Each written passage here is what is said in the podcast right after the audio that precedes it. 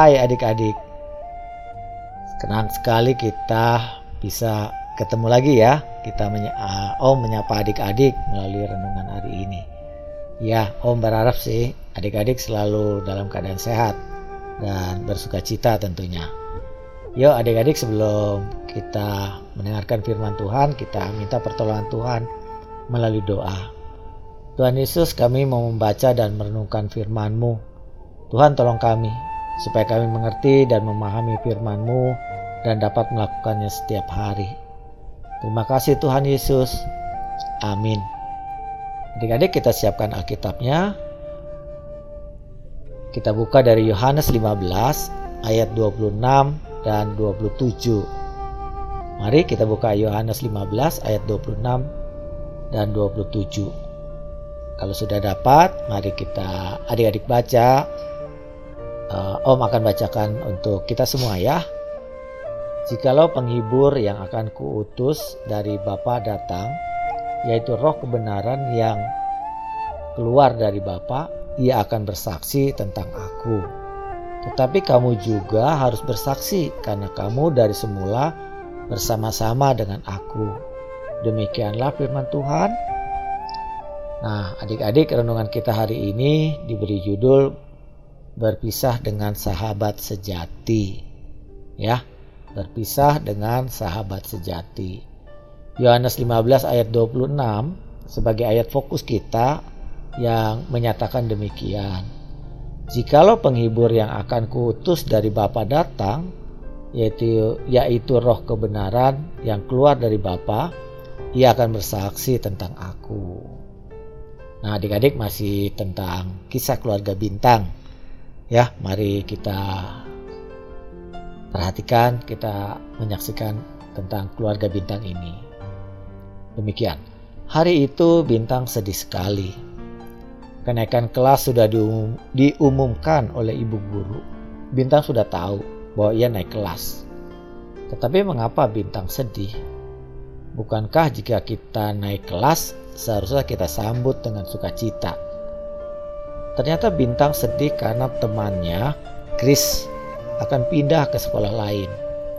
Chris adalah sahabat sejati Bintang mereka sering bermain bersama. Bintang sering bermain di rumah Chris, demikian pula sebaliknya. Tentu tidak akan mudah mendapatkan sahabat sejati seperti Chris. Bulan melihat kesedihan Bintang, lalu bertanya kepada Bintang. Bintang menceritakan tentang Chris. Bintang, sahabatnya selalu datang dan pergi setiap saat. Tapi tahu nggak, ada sahabat yang selalu setia mendampingi kita. Bulan mencoba menghibur. Hah? Memang kita punya ya kak? Jawab Bintang heran. Tentu saja pribadi tersebut adalah roh kudus yang selalu membimbing kita. Oh iya ya, kadang kita tidak sadar roh kudus selalu hadir dalam kehidupan kita. Jawab Bintang. Benar. Kakak yakin walaupun Chris pergi, Roh Kudus akan membantu Bintang menemukan sahabat lainnya di kelas yang baru. Justru seru kamu akan punya seorang sahabat lagi. Juga Chris tetap menjadi sahabat kamu, meskipun telah pindah tempat.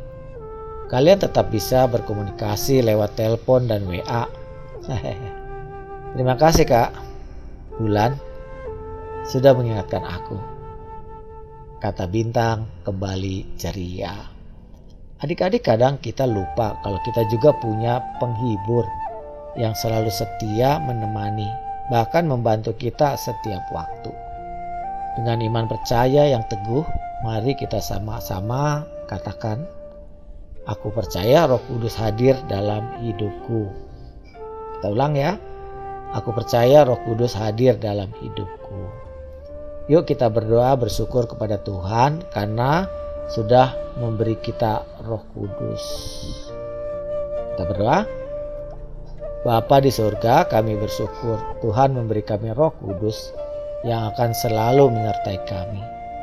Ajar kami untuk selalu ingat bahwa Roh Kudus ada dalam hidup kami, sehingga kami tidak takut atau khawatir apa pun. Terima kasih Tuhan, Di dalam nama Tuhan Yesus kami berdoa. Amin. Demikian adik-adik firman Tuhan dan renungan hari ini. Kiranya kita selalu mengingatnya, melakukannya setiap hari.